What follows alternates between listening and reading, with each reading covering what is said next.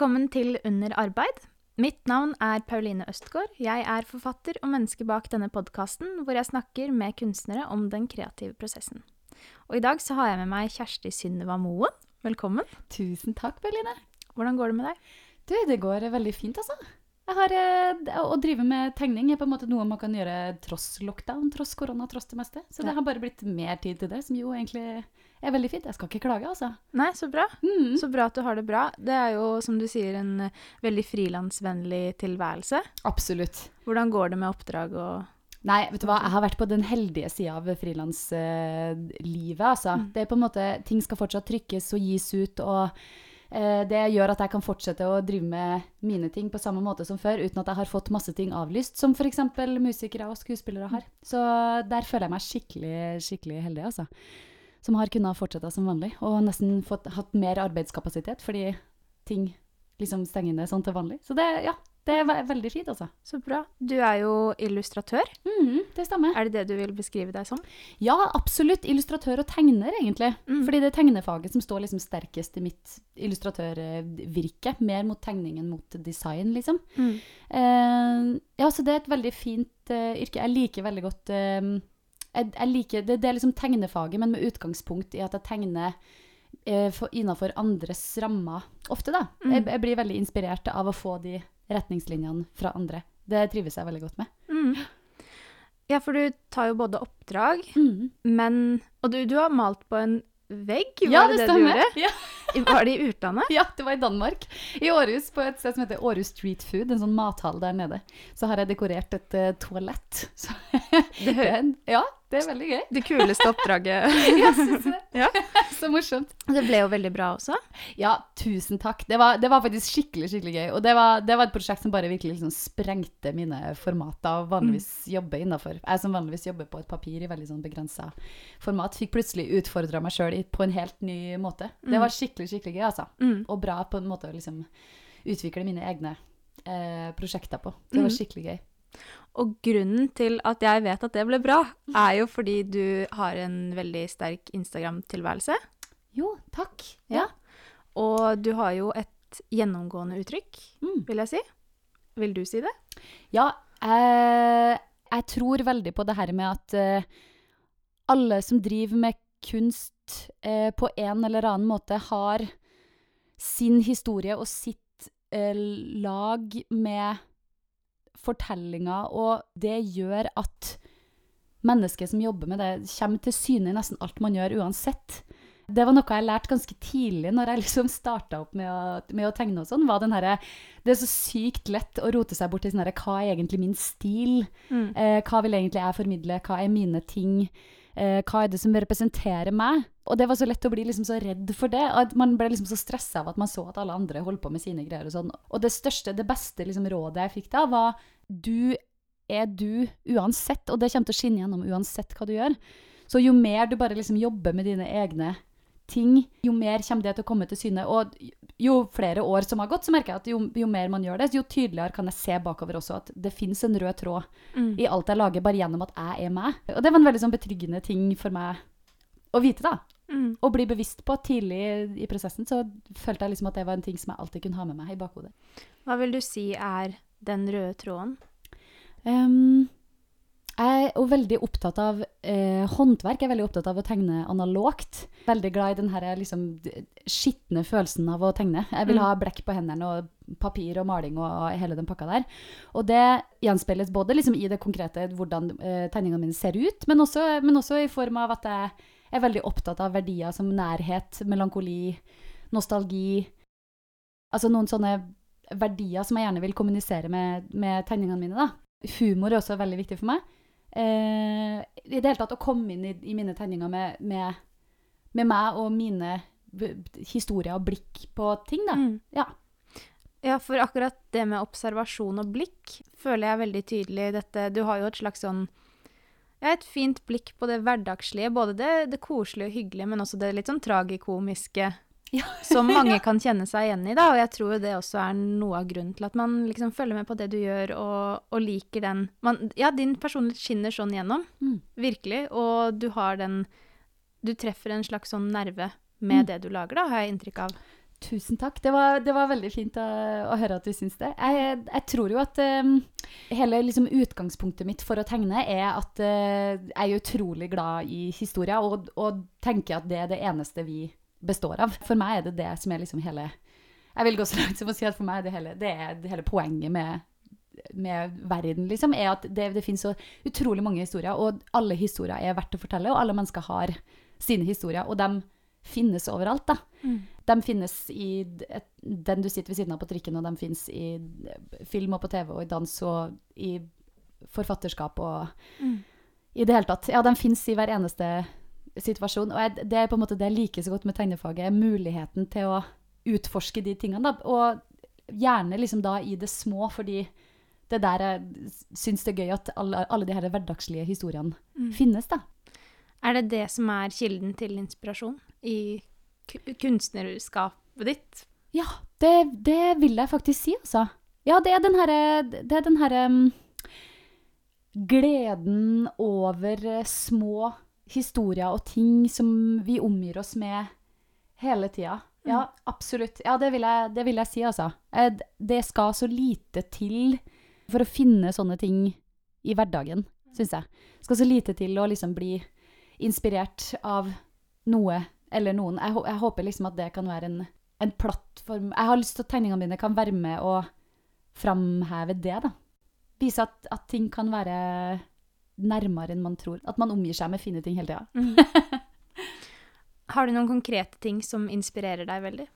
Nå nevnte jeg litt det her med folk på trikken og sånn. Jeg tror noe av det jeg inspireres mest av, er bare anekdoter fra min egen hverdag, altså.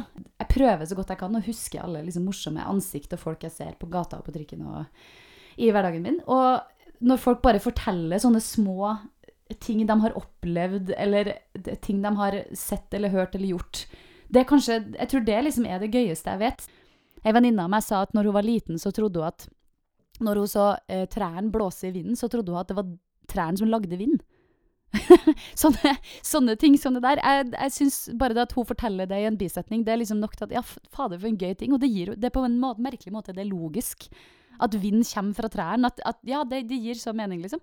Jeg har et notat på mobilen full av liksom sånne ting. Eh, og bare ting jeg snubler over i min egen hverdag. Når du får en idé, mm. hvordan forvalter du den ideen og den inspirasjonen du sitter på, til et produkt? Jeg har som sagt det her notatet på mobilen. Og så vil jeg gjerne Hvis jeg får en idé, så vil jeg gjerne komme i gang med den med en gang.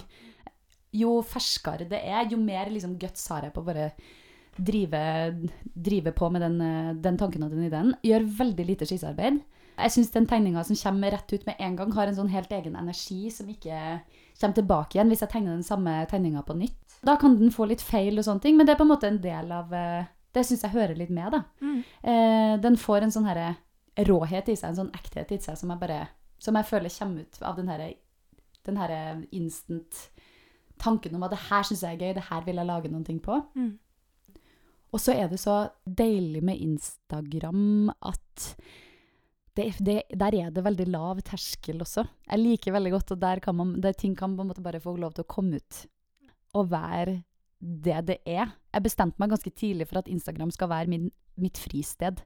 Jeg orka ikke å ha en sånn Det kunne jeg sikkert hatt, hatt, hatt, en sånn ganske clean portfolio der. Men eh, jeg føler at uh, ganske mye av mitt kunstnerskap bygger på de her litt spontane tingene. Og de, og de litt sånne røff skissene som er på en måte bare Å, det er gøy! Det er en morsom historie. Eller mm. det er en gøy karakter. Det føles mer dynamisk, og det føles mer meg å gjøre det på den måten. Um, så i, i, hvor stor grad den, um, den ideen kommer ut som mer eller mindre uferdig eller ikke, det, det, kjennes veldig riktig i øyeblikket når jeg poster det. Hvis ting får liksom for lang modningstid, da, da får jeg ofte eh, betenkelser med, med ideen. Da, da, begynner jeg å stille spørsmål, og så Så blir jeg plutselig usikker, da. Eh, som av og til. Av og til er det kjempenyttig også. Men eh, jeg jobber mye for andre, men også med mine egne prosjekter, som har fått mer og mer plass det siste året, egentlig. Og det som er vanskelig med egne prosjekter, er jo at du er din egen kritiker. Så der må jeg rett og slett passe meg litt i sånne, i sånne situasjoner som jeg passer meg litt for at jeg ikke blir for kritisk. Mm. Eh, for plutselig, da blir det bare liggende i en skuff. Mm. Ja. Det er jo en læringsprosess, vil jeg si. Ja, virkelig. Vi eh, har vært litt inne på det, egentlig. Eller Mhm. det som også inspirerer meg med deg, og som jeg har fått et veldig tydelig bilde av gjennom både de samtalene vi har hatt, men også gjennom Instagram, er at du lever veldig i den prosessen. Ja. Det virker som om du på en måte har et bevisst forhold til at du lever kunsten, og den bobla di er så tydelig. Mm. Til vanlig så er det man ser av kunstnere, det ferdige produktet. Mm.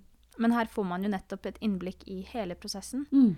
Har du et bevisst forhold til hvordan det å være kunstner påvirker livet ditt? Mm, veldig, det var et godt, uh, godt spørsmål. Eh, når jeg starta som frilanser, så, så var det her veldig aktuelt. Fordi det handler så mye om hvordan man legger opp hverdagen sin. Og da, da prøvde jeg i starten og, og uh, trodde at det ideelle ville være å ha en vanlig arbeidshverdag, som fra ni til fem. Og, og komme på jobb og tegne til klokka fem, og så legge igjen tegnesakene på, på kontoret. Og på en måte dra hjem og ja, se på Netflix. Eh, og det tror jeg funker kjempebra for mange.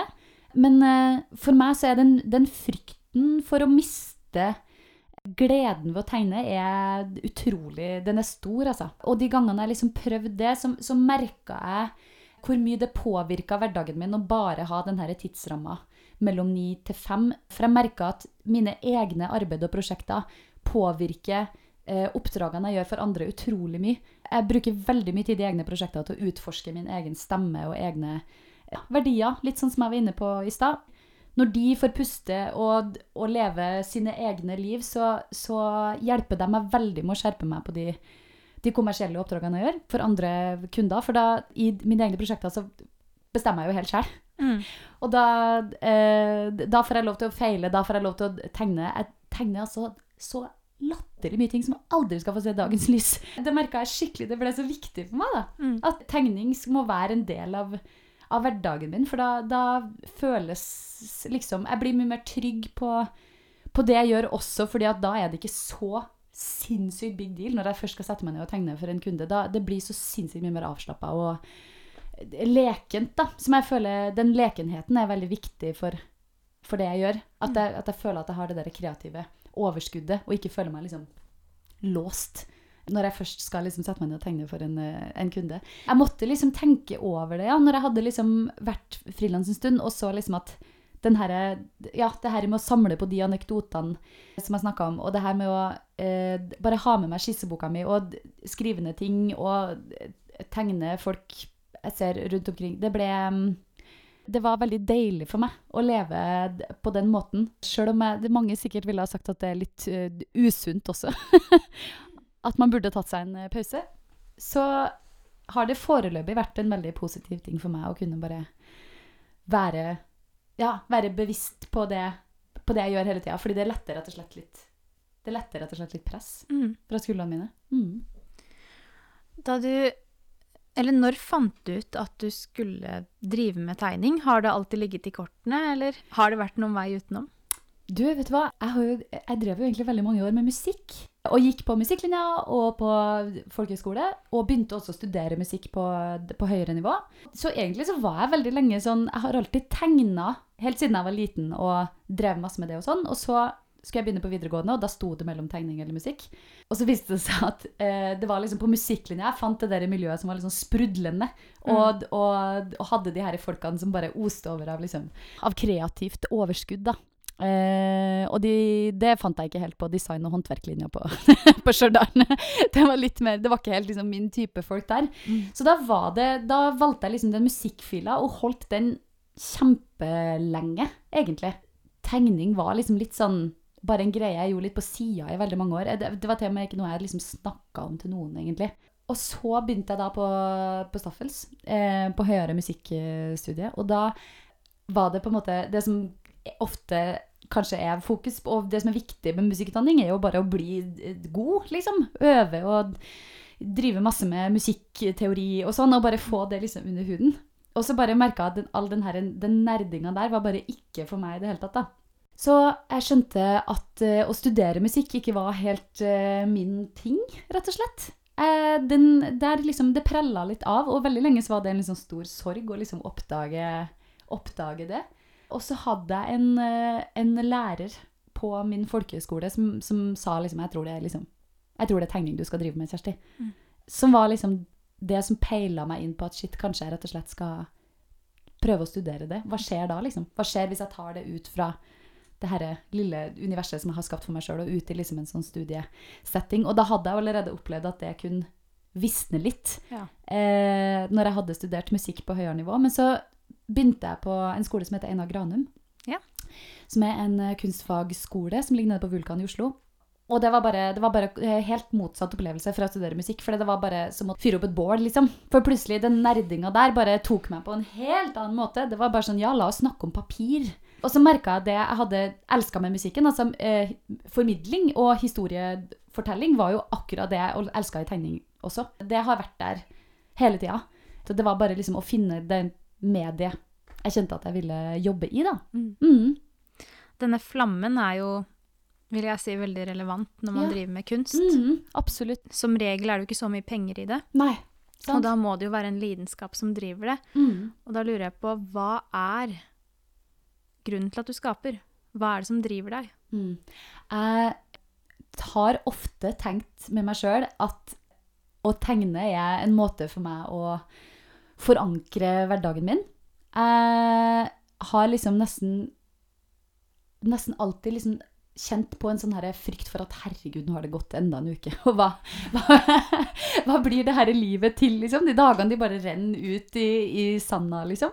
Og tegning for meg har vært en, et fantastisk verktøy for å bare liksom befeste tid og sted. Og, og, og feste mine tanker og mine refleksjoner og historier. Og tilbake til det her hverdagslige igjen, da, som jeg snakka litt om i stad. eh, Hvor utrolig viktig det er for meg. Jeg er utrolig sånn det det er så lett å bli liksom skremt av det her overordna liksom sånn hva skal, man, hva skal du bli, hva vil du, hva er din mening her i livet, liksom? Jeg vil gjerne liksom prøve å holde fast i det her med Ja, jeg, jeg syns bare det er Å, så, gøy at eh, hun venninna mi trodde at trær lagde vind, liksom. For meg ligger det veldig mye mening i de tingene der, da. Mm. Eh, og det ligger veldig mye mening i seg sjøl å, å, å feste de her tingene til, til arket. Det er en, for rent egoistisk sett er det en veldig deilig ting for meg å ha noe helt håndfast å feste livet til, da, i form av tegning. Og ja, jeg tror det, det er liksom det som er grunnen til at jeg liksom samler på alle de tingene her. Og det ble liksom hele grunnlaget mitt for å begynne å samle på alle de her de små, rare tingene som jeg, som jeg syns er gøy å, å tegne. Mm. Hvilken del av prosessen er det du liker best? Det tror jeg er den herre Når jeg har fått den ideen på shit, yes, det er gøy, det vil jeg tegne, og så bare kaster jeg meg over papiret. og bare har en sånn herre Det er den herre vanvittige skapergleden. Hvor jeg bare liksom glemmer tid og sted. Og fader eller nå er seks timer siden jeg har spist, men jeg tenker ikke på det, liksom. Eh, og, så, og så kan jeg se på ting jeg har lagd i ettertid, og, og ser og kjenner igjen den derre gnisten jeg hadde for den ideen eller det prosjektet. Det, det syns jeg er vanvittig deilig. Ja. Du har jo snakket litt om at du har drevet med musikk. Ja. Men er det noen andre kunstformer som inspirerer deg?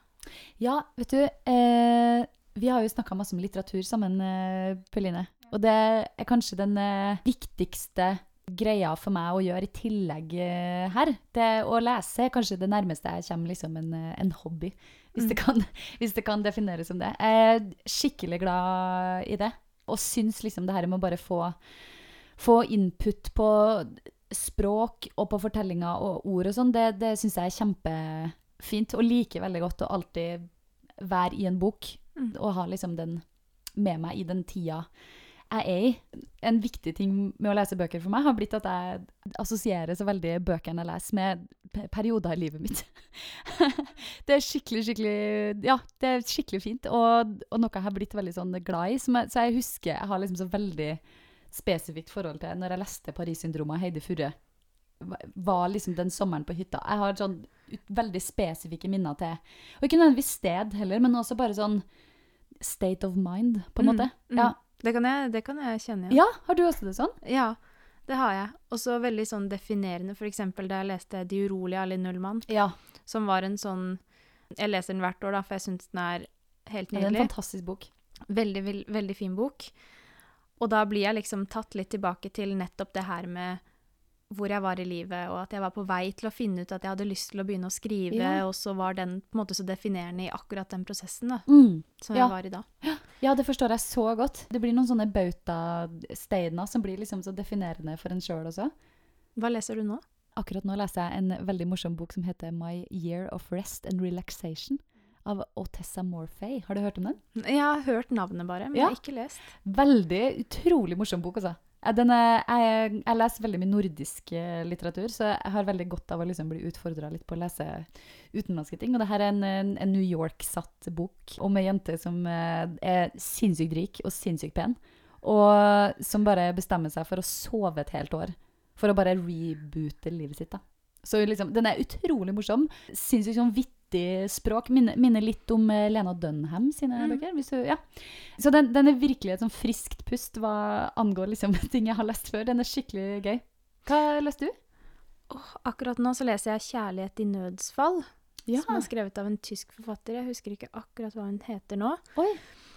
Og det er jo også veldig sånn ja, sosialrealisme. Jeg Mm. pleier egentlig ikke å lese så mye av det. Jeg er mer interessert i poesi. Men jeg Ja. også merker at jeg har veldig godt av å lese et annet type språk. Mm. Og også merker jeg veldig godt at det påvirker måten jeg skriver på akkurat nå. Ja, nemlig. Det, det skjønner jeg godt.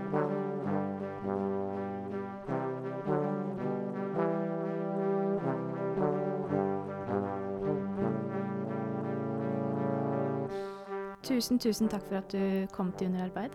Tusen takk for at jeg fikk komme. Det var så hyggelig. Det var veldig hyggelig å ha deg her. Og så kan du der hjemme gå innom Instagram-kontoen podkast under arbeid, podkast med K, og sjekke ut eh, noen poster der, for der får du bl.a. et innblikk i nettopp eh, prosessen til Kjersti. Og så får dere ha en fin eh, tid så lenge, og så snakkes vi.